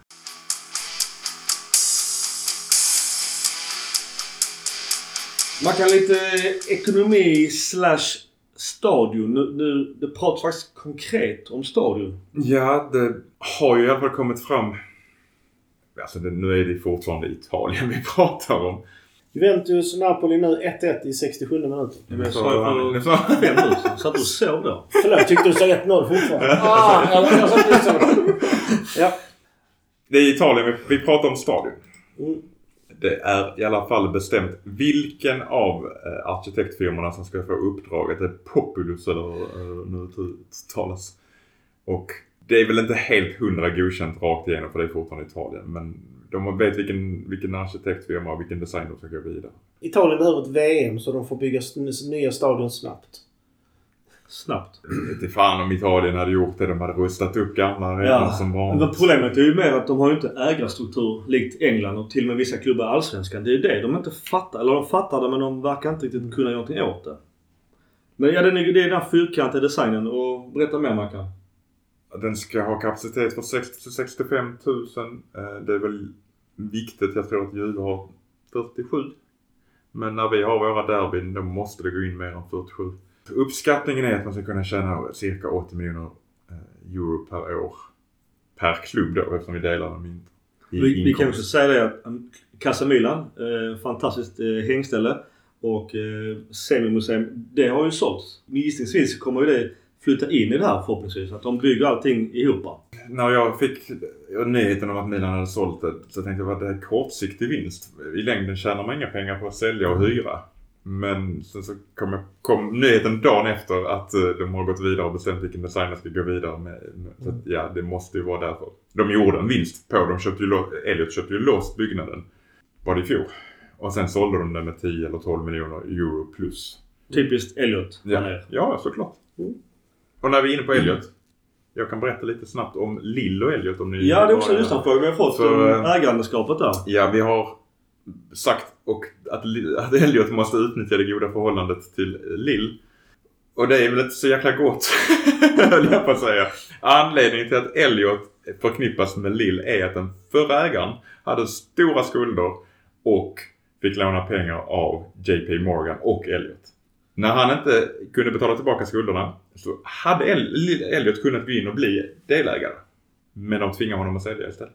Så det är en ny ägare. Elliot har inga ägarandelar i Lill längre. Vi fick bara Mike till ett jävligt bra pris helt enkelt. Det var ingen kompis... Eh, Nej, jag tror inte det. Jag tror att det bara var bra förhandling av, eh, av nice. Maldini och Massara. Cred återigen till Maldini och Massara. Elliot har aldrig varit officiella ägare till Lill utan indirekt genom att de har äh, haft skuld. Vilken, vilken, vilken klubb är det Elliot äger mer? Just nu inga om jag har läst på. Vad hände med den belgiska? Jag tror också det var en liknande situation att de hade lånat ut pengar till ägarna bara. Ja, ja, ja, okay. Och det, hela grejen varför Lill hamnade i trång, ekonomiska trångmål det var ju med TV-rättigheterna i Frankrike som slopades helt plötsligt. Och, helt plötsligt så jag tror han lånade ut, jag tror att Elliot lånade ut de här siffrorna är inte officiella heller men runda slänga 120 miljoner euro. Och Lill har ju problem med ekonomin igen. Det är lite därför att eh, det går att göra. I, Ikone gick ju till Fiorentina för lite väl billiga pengar kan jag tycka. För 15-20 miljoner euro. Det är ju en jätteduktig högerytter som borde fan spelat till Milan. Men vi tar silly season sen. Uh, Ivan Gazidis har ju gått ut och sagt att han har fyra principer som han vill ska gälla för Milan. Eller de gäller väl egentligen för Milan. Det är ganska, ganska tydligt att han har påbörjat i alla fall arbetet med att Milan ska spela på ett sätt som är roligt helt enkelt. Att det ska finnas en fundament för att vi ska ha, vara ekonomiskt framgångsrika. Alltså självförsörjande. Inte behöva ägare som puttar in pengar hela tiden. Att öka inkomsterna med en klar struktur. Det är också ganska tydligt att han har satsat stenhårt på det har ju dessutom ökat inkomsterna väldigt mycket. Mycket sponsorer. Mm. Och bygga ett nytt stadion. Och det är ju om inte klart så nästan klart. Man kan väl säga att det är ex, mer eller mindre exakt samma princip han hade i Arsenal. Och de lyckades. Emirates, visst det var ju ekonomiskt stålbad. Sen har de ju bommat Champions League med den budgeten och sen blev det ju problem. Men Arsenal var ekonomiskt väldigt välmående och hade det bra. Sen så är det ju tuff jävla liga med nya ägare i Premier League som, som stuvar om hela den marknaden. Vi har ju mer finansiella nyheter och det handlar om Financial Fair Play. Milan i och med att Milan eh, mer eller mindre själv avsade sig Europaplatsen 2019 så påbörjades en ny period där Milan ska vara eh, ekonomiskt självgående. De får gå med max 30 miljoner euro minus. De flesta vet väl ungefär vilka spelregler det är. Och det är ju därför vi har varit stenhårda på att kapa kostnader och öka inkomster för att vi inte ska få några... För de här tre åren tar ju slut nu efter denna säsong. Så vi måste vara, vi får inte gå mer än 30 miljoner euro back. Vi närmar oss i alla fall. Lite också därför vi inte kan ge de här fantasikontrakt till Donnarumma, Hakan och Kessie stort sett. Eh, nej, det ligger väl någonting i det. Vi måste öka inkomsterna i alla fall. Om vi ska kunna ge... Och jag tycker Maldini har varit ganska tydlig. Vi måste spela kontinuerligt i Champions League. Det vill säga 4, 5, 6 år innan vi kan komma upp i de här summorna som andra klubbar kan betala. Champions League är ju avgörande. Jag såg en summa på att Milan hade i runda slängar tjänat 50 miljoner euro på årets Champions League. Eller säsongens Champions League. Och det är ju enormt mycket pengar även för en stor klubb som Milan. Och problemet är då varför... Då börjar folk fråga, men hur kan City, hur kan Barca, hur kan Real Madrid göra? Jo, därför de har andra sponsoravtal. Mm. Och om de är korrekt gjorda utifrån Financial Fair Play eller inte, det kan andra bestämma. Men Det är som du pratade om Gurra, Newcastles Mm. nya. Det är Newcastle har ju fått någon, något avtal med någon lokal eh, saudiarabisk mobiltelefonoperatör som får en liten logga och får typ 60 eller 70 miljoner euro eller något sånt där. det, grejen är ju där, vem är, äger Newcastle nu för tiden? Och vem tvingar det här lilla mobilföretaget att ge dem pengarna? Bara kommer. Alltså det är sådana... Vi, konspiratoriskt möjligtvis ja, men vi vet ju alla att både City och PSG fuskar på det sättet. För det är ju statsägda lag egentligen. I alla Mm. fall City. ja, Newcastle nu kommer att bli ett problem. Alltså, de ligger i botten i, i Premier League. De har inte egentligen upp till strecket. Men de kommer ju värva sig ur bottenträsket. Och sen som de, allt från Digné, det pratas om, även då Bottman, Vlahovic. Alltså de kan ju köpa fem spelare och bara Fuck you eh, Financial Fair Play. Vi tar den smällen för vi kan inte spela i Europa nästa år ändå. Men vi bygger ett lag och sen året två och så pang, pang, pang. Så är man ju som City kommer ganska snabbt från botten till idag ha alltså betyg 6 i, som jag sa innan, faciliteter. I truppen är ju, alltså det, det är 10 poäng plus på Premier League. Sen är det, har du en grej till som man inte får glömma. Financial Fair Play ger dig eh, lite utrymme när du får en ny ägare. Mm. Du får en viss möjlighet att investera i laget utan att det påverkar Financial Fair Play när du får en ny ägare. Problemet var bara att när Milan hade haft kinesiska ägare och gick 300 miljoner euro minus den säsongen. Då ligger den kvar ändå. Det är inte så att de bara stryker hela skulden. Utan ägaren tar ju över skulden såklart. Och det var Mm. på det sättet som Elliot tog, tog över Milan. Jag tror att Newcastle går nog inte minus. Newcastle Newcastle för 10 år sedan var, jag tror att det var låg på topp 20 i de största ekonomierna inom fotbollslag. Jag tror inte de går minus, men Alltså, de de ligger ju inte i närheten av, av City såklart. Alltså St. James Park tar väl in 60 000 och det är ju fullsatt varje match. De har alltså det är en av de mest populära klubbarna eh, över världen. Alltså en av de mest populära engelska klubbarna. Bisarra sponsorpengar som italienska klubbar bara kan drömma om. Och i merchandise och allting. Så att nej, det som du är inne på. Det finns nog marginal att latcha med. Tillbaka till just ekonomin och stadion att vi bygger en, eller vi får se 2027 men det verkligen står klart eller inte. Men vi kan inte ha så liten stadion som Juve för att både Milan och Inter har haft ett snitt på 55 000 innan coronapissen. Så du, du kan ju inte ha en stadion som är mindre än ett säsongssnitt. Det säger sig själv. Mm. Så att det är också därav den summan. Sen så bygga nytt. Ja, det har vi redan pratat om tidigare och det vet alla. att Renovera San Siro. Alla älskar San Siro. Det är bästa stadion i fucking hela världen. Men att renovera den för att återigen, som Gazidis var inne på. Det är moderna fotboll. Man kan hata det hur mycket du vill. Men är du inte med på det tåget, då halkar du efter. I modern fotboll, du äger din arena, du äger dina faciliteter. Du bygger dina kontor, du bygger ett Casemilan i din arena. Du får dela med Inter. Skitsamma, men du har inget val. Ja, jag, jag står fast. Jag tycker vi borde gjort det här utan vinter. Det är 20 år för sent. Ja. Berlusconi var inne på det. Och då tyckte vi att vi var ändå sent ute. Ja, Barbara skulle ju ta spadtagen. Hon... Ja, låg Vi Joakim med var, alltså det var ju, ja, men vi var jäkligt nära då. Men då blev det ju stoppat av eh, ja, Staden. staden. Ja, vad ska de göra med San Siro om varken Inter eller Milan spelar där? Det är ju det som att bland annat... Ja men det är ju Ja. det som varit stötestenen. För de vill inte riva det. För de vill kunna använda det till andra evenemang. Vet, vad- ja. Vad- och det vill ju kanske inte Milan och Inter om de ska bygga ett nytt stadion. Det är klart att de vill eh, kunna ha en utsåld konsert på den Klart. under sommaren. Vi lämnar ekonomispåret. Vi glider in på San Siro och eh, alla frågar om Kessie. Vi har ju såklart inga svar. Eh, vi sitter och glider gissar och. Vi glider in på San Siro. Ja, ja silly season, sorry.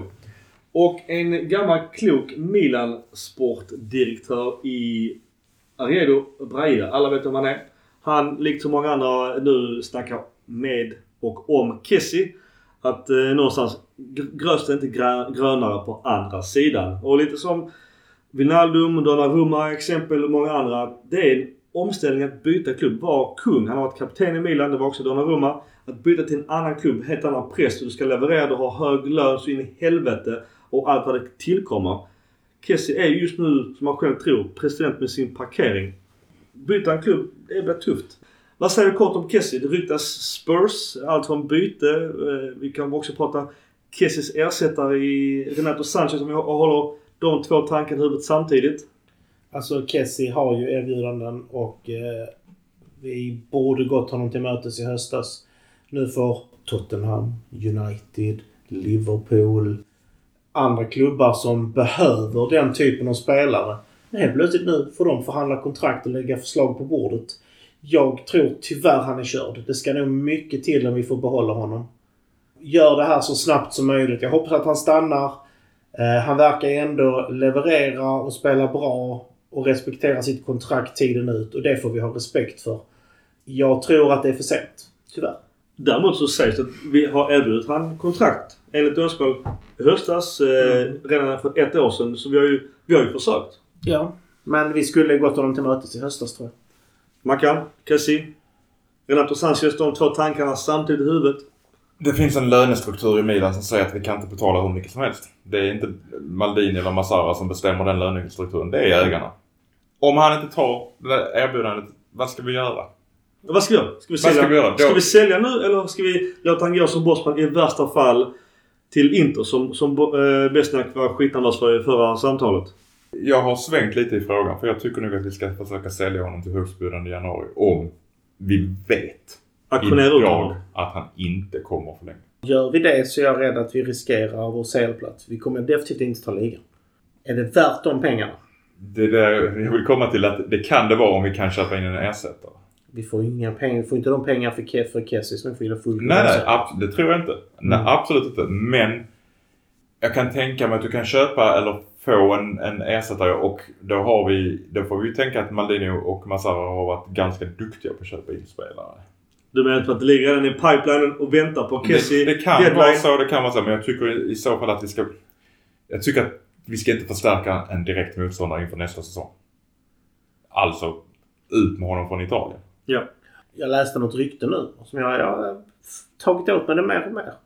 Det är att de vill få in Pobega på det centrala mittfältet så han kommer vara Kessies ersättare till nästa säsong. Därför kör man Kessie nu kontraktet ut, gör en så bra säsong som möjligt, kvalificerar sig för Champions League. Låter Kessie gå om han vill det. Pobega kommer in på den positionen och så har vi en ny trio med Benasser, Tonali och Pobega. Fimpar Bakayoko-lånet. Det är ändå för mycket pengar. För han är inte bra nog för lönen helt enkelt. Alltså även om han skulle spela upp sig så är han ju inte 8,65 miljoner euro om året bra. Vad säger vi om Renato Sanchez? Vad säger vi om Marseilles Camara? Redan Jag tycker nu? inte, Eller? Förlåt, men Renato Sanchez är ju ingen ersättare till Kessie. Nej.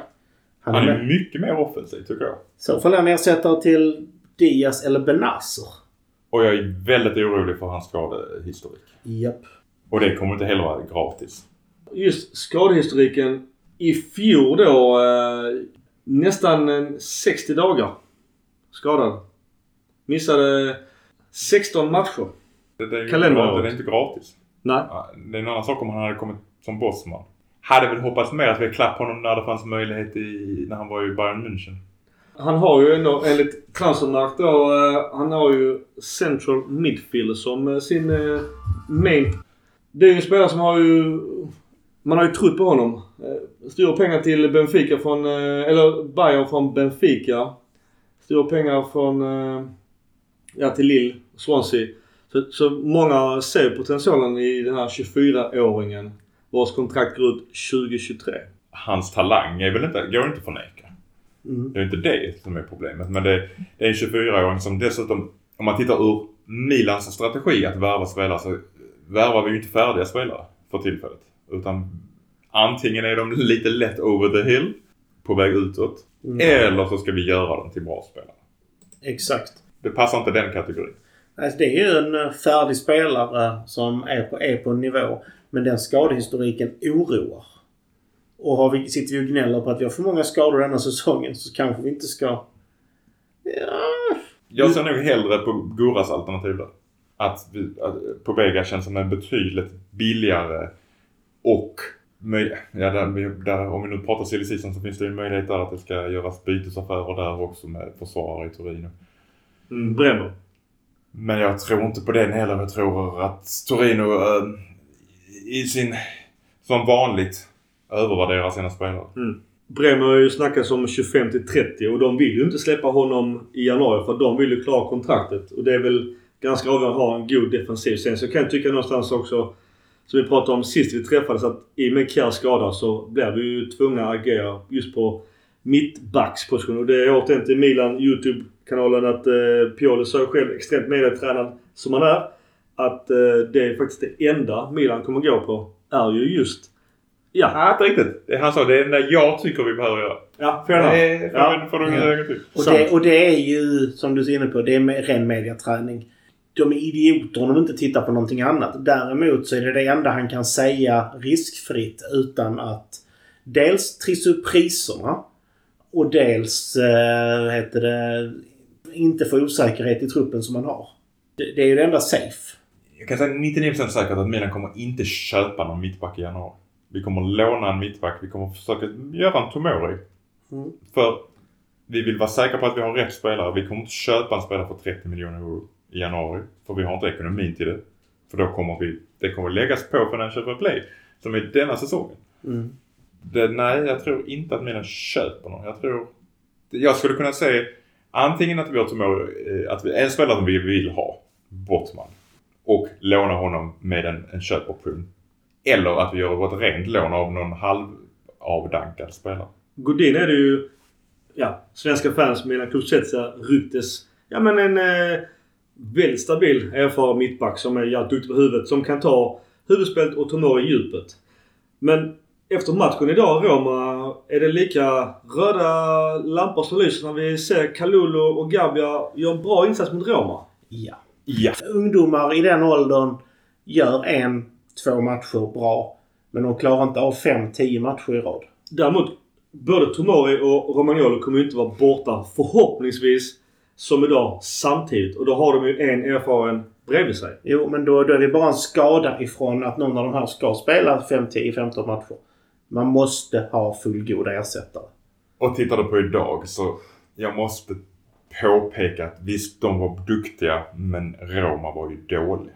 Ja, de blev aldrig riktigt Så utmanade. att, Saniolo och eh, Abraham. Det är ändå på pappret låter det bra. För de hanterar det. Men sen Ja. såg du också att både Tonali och Kronis låg väldigt djupt. Det innebär att de kom aldrig i fart mot vår backlinje. De blev aldrig riktigt utmanade. Så att de har inte blivit fullt ut testade. Vi tar mittbacken för det är det som diskuteras. Eh, lite kul för oss eh, svenskar att eh, Anel Ahmedhodzic, MFF-an, eh, två SM-guld i rad, valde tyvärr att spela för Bosnien. Han nämns också bland eh, mycket Atalanta tidigare. Malmö FF, eh, han har ju Rosenberg, eller kungen i Malmö, som agent. Och Malmö har nekat alla bud hittills men nu vill han själv, han har till och med deklarerat för oss MFF-are. Jag kommer att lämna. Bara kort, eh, man kan du också koll på Anel. Eh, Jag vet koll du har Gurra. Är detta Milan-material? Han är ju en mycket billigare lösning än vad som nämns annars. Han är Milan-material om han fortsätter den utvecklingen han har för mycket speltid och, det, det, och fortsätter det i två, tre år. Då är han Milan-material. Han är inte Milan-material innan dess. Så om eh, två, tre år med samma kurvor, absolut. Men inte nu. Mackan, du som har koll på MFF. jag tror inte att det är Milan-material. Jag tror att Milan mycket väl skulle kunna tänka sig att köpa honom, låna ut honom och göra det som en ekonomisk affär. Tjäna pengar. Har vi de pengarna för att köpa en Jag tror- kille för 7 till 8, 9, 10 miljoner euro för att sen bara skeppa direkt på lån? Det tror jag att vi har om man ser, om man ser den ekonomiska möjligheten. Det tror jag definitivt. Japp. Lazio diskuteras också även eh, Atalanta såklart. Jag tänkte bara just på mittbackar. Lazio har ju- haft lite strul internt. Eh, Acerbi och SMS har ju varit strul med eh, Sarri. Acerbi är gammal Milan-spelare. Jag hade gärna sett den lösningen. Eh, det kommer såklart kosta. Men det är ju en jävligt etablerad landslagsman som kanske kan gå. Så jag tror inte att Lazio vill förstärka Milan. Men om det nu fortfarande är en fnurra på tråden. Då ser jag fortfarande SMS som vår AMC. Absolut. Jag tar gärna båda. Det kan kosta vad det nu kostar. 50-70 för båda. Det blir en sommaroperation Ja. och inte en vinteroperation. Nej, nej, nej, nej, nej, nej absolut. Det beror på hur mycket de bråkar med varandra just nu. Ja. De spelar båda idag. 3-3. eh, Så båda spelar. Ja, men jag tänker mer ekonomiskt. För Milan kommer inte... De kommer ta råd. Jag kan säga det, de kan inte köpa spelare på de summorna i januari. Det går inte.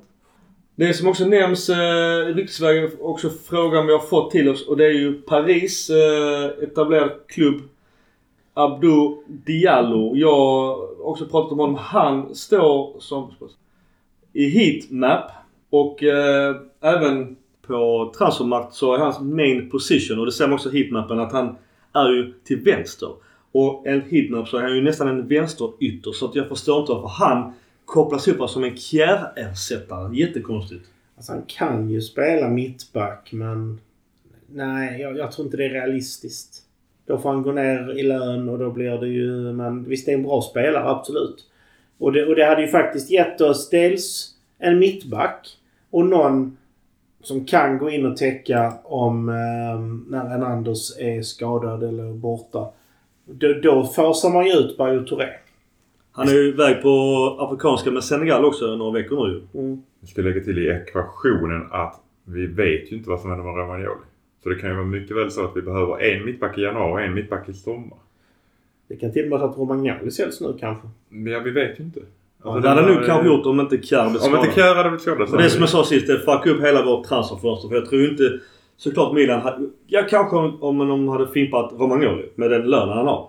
Ja, förlåt. Jag ska bara dra en reflektion. Förlåt, jag byter ämne helt. Jag bara byter till matchen. Jag vill säga Juve-Napoli står 1-1 nu och det är 90 plus 3. Juve leder skotten med 20-16. Med skott på mål eller bara skott? Det- Skott. Ja, det säger ju ingenting. Jo, det säger hur mycket du kommer, kommer till skottlägen. Sen att inte så många träffar mål. Men alltså detta är hockeysiffror i skott. Jag vet inte om det är så ovanligt faktiskt. Ja, det är mycket skott. Vi går vidare.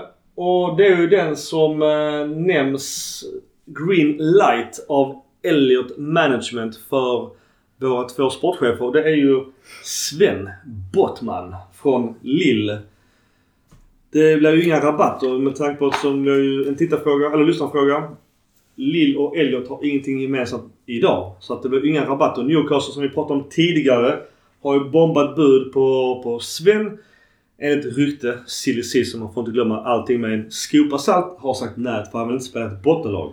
Fast Newcastle kan erbjuda honom guld och gröna skogar förutom en tabellplacering som Milan kan erbjuda. Och kanske Champions League. Vad säger vi om eh, Sven? Gurra, du fick lyssna fråga om en scoutrapport. Ja, eh, jag har tagit fram lite info om Sven Brottman. Han kom från Ajax för 8,2 miljoner euro säsong- inför säsongen 2021. Han spelade 37 matcher i fjol. Han ses som en spelare med enorm potential. En väldigt stark huvudspelare. Vad var han? 1,93 va? Ja. Väldigt teknisk och en beslutsam. Alltså han lägger inga fingrar emellan på planen. Eh, han är däremot extremt hög, eller vänsterfotad. Eh, högerfoten är väl mer stödjeben. Eh, mittback som gillar att ha bollen. I Lill har en väldigt fri roll. Han, han, hans uppgift är att ta bollen, transportera upp den och sen fördela den. Så därför hans heatmap ser inte riktigt ut som en mittback. Eh, men han är väldigt rörlig, väldigt snabb. Han kan spela vänsterback. Eh, just nu tjänar han 1,25 miljoner euro om året. Det är alltså scoutrapporten var guld och gröna skogar. Så jag förstår att Maldini gillar honom. Och då kommer vi tillbaka till ekonomimackan där du får ta den pucken och det är vilka pengar har vi att röra oss med? Ja, det här är ju en sån operation som jag pratar om att eh, lyckas vi på något konstigt manér få till en låning. Låna med köpoption. Det är kanske, kanske lite Leonardo-lån. Ett ganska dyrt lån. Där du då delvis betalar av summan om du får för dig att köpa honom. Men Ja. jag tror aldrig att vi kommer lägga... Jag vet inte, det ryktas ju om sjuka summor. Mm. Det var någon som skrev 70 miljoner euro. Det kommer vi aldrig lägga Nej, nej, nej. nej. hälften blir jag förvånad om vi överhuvudtaget... Och då pratar jag fortfarande om att vi ska betala i sommar. Mer än Tomori. Ja. Ja. Men det är Bonucci siffror i så fall. Så att, nej. Eh, Tomori var 28 va?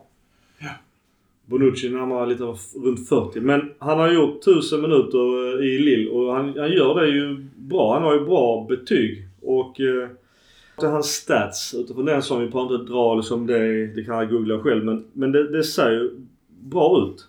nu skrattar jag till lite men det är, Itali- det är inte italienska ligan här minuterna heller får vi komma ihåg. Ja, och Lille ligger plats 8. Det är ganska jämn liga i och för sig. Men, men eh, det är ju inte... Det är inte som när vi plockade Mike när de vann ligan. Nu är det full tid. 1-1. Ja, klart. 5 poäng före Napoli och 10 poäng före Juve.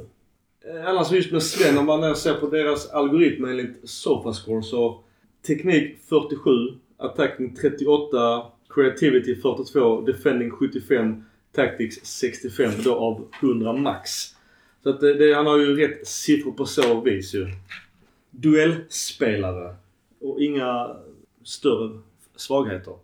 Så att vi får se om, om han vill ju eventuellt ändå rykte till Milan. Får se om Malin ror hem detta. Det är ju en jagad spelare. Det är mer än Milan och Newcastle som jagar honom. Och åt den värva en spelare för stora pengar i januari som inte kan ligan, språket eller den taktiken. Jag har sagt det tidigare, jag är inte för det. Jag, jag, jag tar hellre någonting internt. Alltså vi behöver någon som kan gå in och ta en plats i elvan direkt. Alltså Ja. direkt. Och det hade han gjort bredvid Tomori.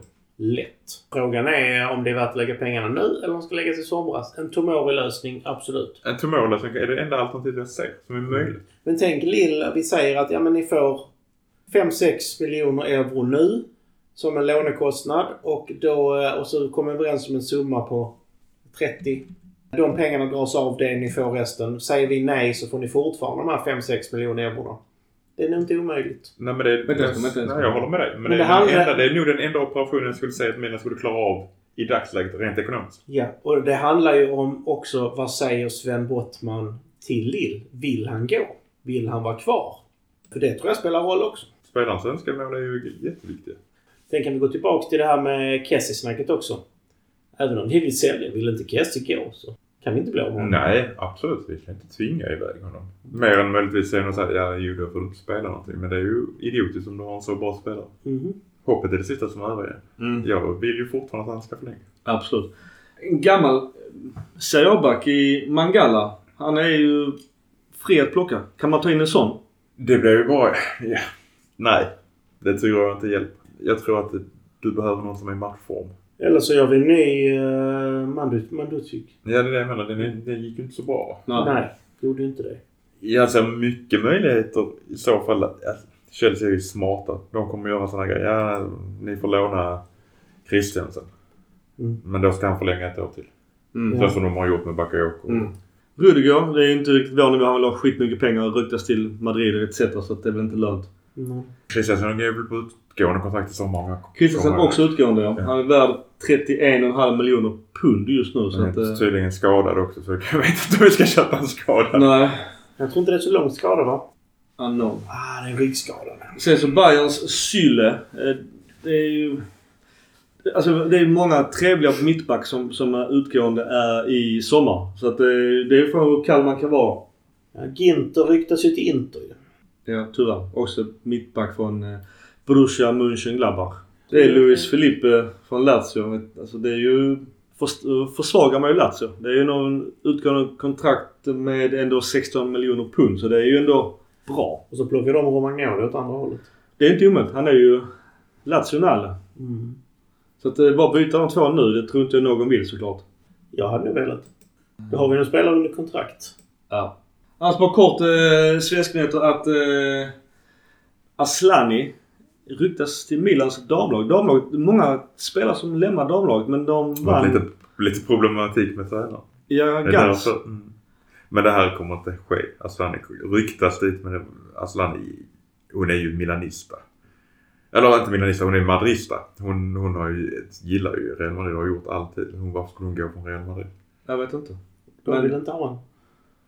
Ja, Hon har ju varit duktig. Ja men det skulle vara därför. Ja. Ja, jag, jag ser det som eh, långsökt. Min enda förhoppning nu i det här fönstret. Det är att vi inte väntar till den 25 innan vi faktiskt agerar. Ska vi få in en spelare nu behöver vi få in det de första 10 dagarna, 15 dagarna av månaden. Det här med att vänta till sista dagarna i transferfönstret, jag fattar inte det. Det är nu vi behöver spelaren. Lägg bud om vi, om vi nu ska köpa någon. Det här skulle varit klart först i januari. Spelaren skulle varit här den 2 januari. Och det hade säkert varit om vi hade varit ett planerat köp men nu blev det ju ett krisköp på grund av, av Kjells skada. Ja. Kan inte sitta i 25 dagar till och inte, och inte ha en spelare. Nej, jag håller med. Jag, där håller jag med dig. Men jag, jag, om jag bara tittar historiskt hur Maldini har agerat. Hur gjorde han när han visste att Donnarumma skulle försvinna? Han hade ju en målvakt klar innan Donnarumma försvann. Så det var ninja move. Ja, så jag tror inte... Jag tror inte... Bara kort uppstuds. Eh, enligt Twitter så har Paris erbjudit oss Angel Di Maria. Åsikter? Janne? Ja tack. Absolut. Kan han spela nästan gratis så är det lugnt. Ja, det Ja, kan det, är han ju lönen inte göra. som, alltså det är ju lönen som är Mm. stötestenen där. Det, han har väl utgående kontrakt också? Ja. Så Ja, jag även vet om fan om han har. Eller har han inte 23? Någon Men oavsett, hans ålder gör att han kan inte kosta så mycket man ska köpa. Nej, nej. Men det är Men ju alltså- lönen. Alltså få in honom på högeryttern hade varit rena drömmen. Ja. Då har vi ju definitivt eh, topp fyra nästan. Med tanke på vad han levererar och har presterat. Mm. Annars namn som det nämns, det är ju Belotti. Han är ju bossman också i sommar. Insigne också. Insigne verkar gå till Toronto av alla jävla klubbar. Det är så- såklart för pengarnas skull men Den är inte, Det är ju hundra- hemskt. Den är inte bekräftad än det är inte klart. Men han får ju enligt rykte väldigt mycket pengar i, i lönechecken. Sen så får han gå till en liga där han får klara lysande stjärnorna, han får dominera. Alltså, jag förstår att det kan locka. Vi har ju en viss eh, anfallare som nu spelar i Milan som lockades av det också. Insigne har ju haft lite skador också så gå dit, spela på lite lägre tempo en, två säsonger. Återhämta sig, bygga upp kroppen, komma tillbaks till Europa när han är 32 och lägga in tre, fyra säsonger i en toppklubb. Det är kanske inte är en dum idé. Mackan, vad säger du om Belotti? Jag säger nej tack.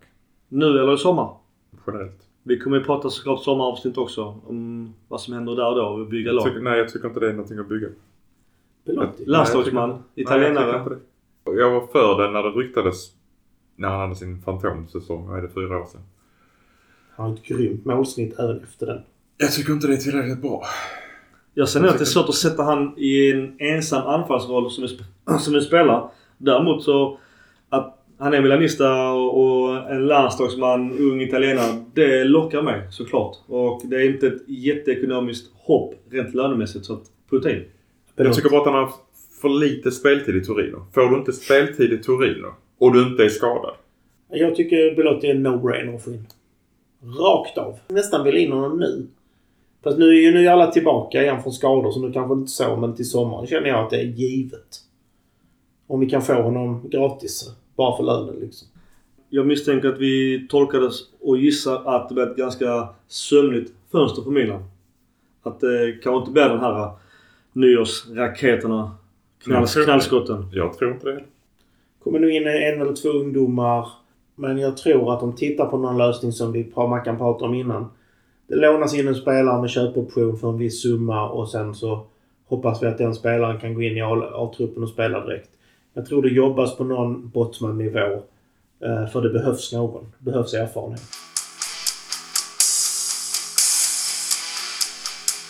Hit and shit. Eh, samlat på de här tre matcherna och vad som hänt i Milan sen vi sågs senast. Så är ju shiten, det är ju de här, den jävla coronapissen. Den, den försvinner inte. Vi har mindre folk på läktarna av förklarliga skäl vilket kostar oss pengar. Och eh, idag eh, i, mot Roma så spelar vi två unga mittbackar och de gör det bra. Men det finns ju på lång sikt ingen chans att uppehålla det här spelet och de poängen om vi inte har full trupp. Vi måste få tillbaka allt från skadade spelare som är på väg. Men eh, Corona måste ju bara hållas bort och, och vad nu det innebär med den diskussionen. Hitten, det är ju lite samma sak. Att eh, vi är fortsatt i toppen. Vi, eh, vi tar våra poäng. Nu var det, vi kan diskutera i det oändliga om en straff, eller oändliga om målet eller icke målet mot, mot Napoli där vi tappar alla poängen. Men annars har vi ju 6 poäng, Empoli och Roma. Och Roma, eh, vi klarar av dem ganska lätt. Så, jag, jag ger plus på eh, Kalulu och Gabia i, eh, i det stora hela. Goa? Stora hitten tycker jag är att vi faktiskt gör jobbet. Tonali är ju gigant och han bara växer och växer. Kul att se Florenzi att han levererar och Leaus inhopp nu var hur bra som helst. Fortsätter det här nu, matchningen sker rätt och allting, så kan vad som helst hända den här våren. Topp 4 känner jag absolut att vi ska klara om vi fortsätter så här och inte får åka på ett nytt skadehelvete. Stora hitten som sagt, spelare börjar komma tillbaka från skada. Shitten. Varför används Kronic som han gör? Det måste finnas bättre sätt. För jag känner att det är en, det är en risk varje gång han är på plan. Mackan? Jag kan svara på det. Krunic är eh, Piolis svar på Montellas Borini. Gnäller inte, spelar var han säger till dem även om de inte gör bra. Ja. Jag, alltså jag tror att det är så enkelt. Ja. Ja. Jag tror han är spelare som är otroligt tacksam för att få vara i Milan. Bonus shit. Maldini måste få mer speltid. Hitten är som ni var inne på allihopa. Vi tar poäng fastän vi har stora skadeproblem. Jättestora skadeproblem. Shitten är skadeproblem. Jag kan säga en, en liten bonushit är väl faktiskt att vi, vi slipper Europafotboll i vår. Vi kommer kunna ha några skador utan att det påverkar lika mycket. De spelare som är friska blir inte lika trött. Så det kan väl vara en liten... Det, det, det är en shit och en hit samtidigt för det betyder att vi inte spelar Europafotboll. Men det betyder att spelarna inte spelar, spelas lika mycket. Bara gå vidare till eh, kvartsfinalen, åttondelarna. Är det 20 miljoner Ja, euro eller något? Eller, Absolut. Så det, det är ju det är ju en Pyrrhus-seger, heter det va? Mm. Jag måste bara hoppa in också. Och det är det här med expected goals. Det stör mig jättemycket för att Milan är allt från alltså, artiklar, diskussioner. Milan överpresterat. Mer pengar än vad de borde göra. Jag menar idag har vi mot Roma 2,87. Det, det, det steg ju lite här i expected goals. Men vi gör tre mål, har två i virket och bränner en straff och ändå sägs ha ynka 2,87. Tre virk. Tre i virket kanske? Jo, Diaz och Florensis Du menar. Gros passning? Ja. Ja, ja. Men, men jag, jag, jag, vill bara ge dig Micke för din egen sinnesfrids skull. Släpp det tills Nej. du, har, tills du har pratat med han på Fotbollskanalen. Ja, alltså jag ska ringa, ringa Ola igen. ja. Forza Milan! Så Milan. Forza Milan.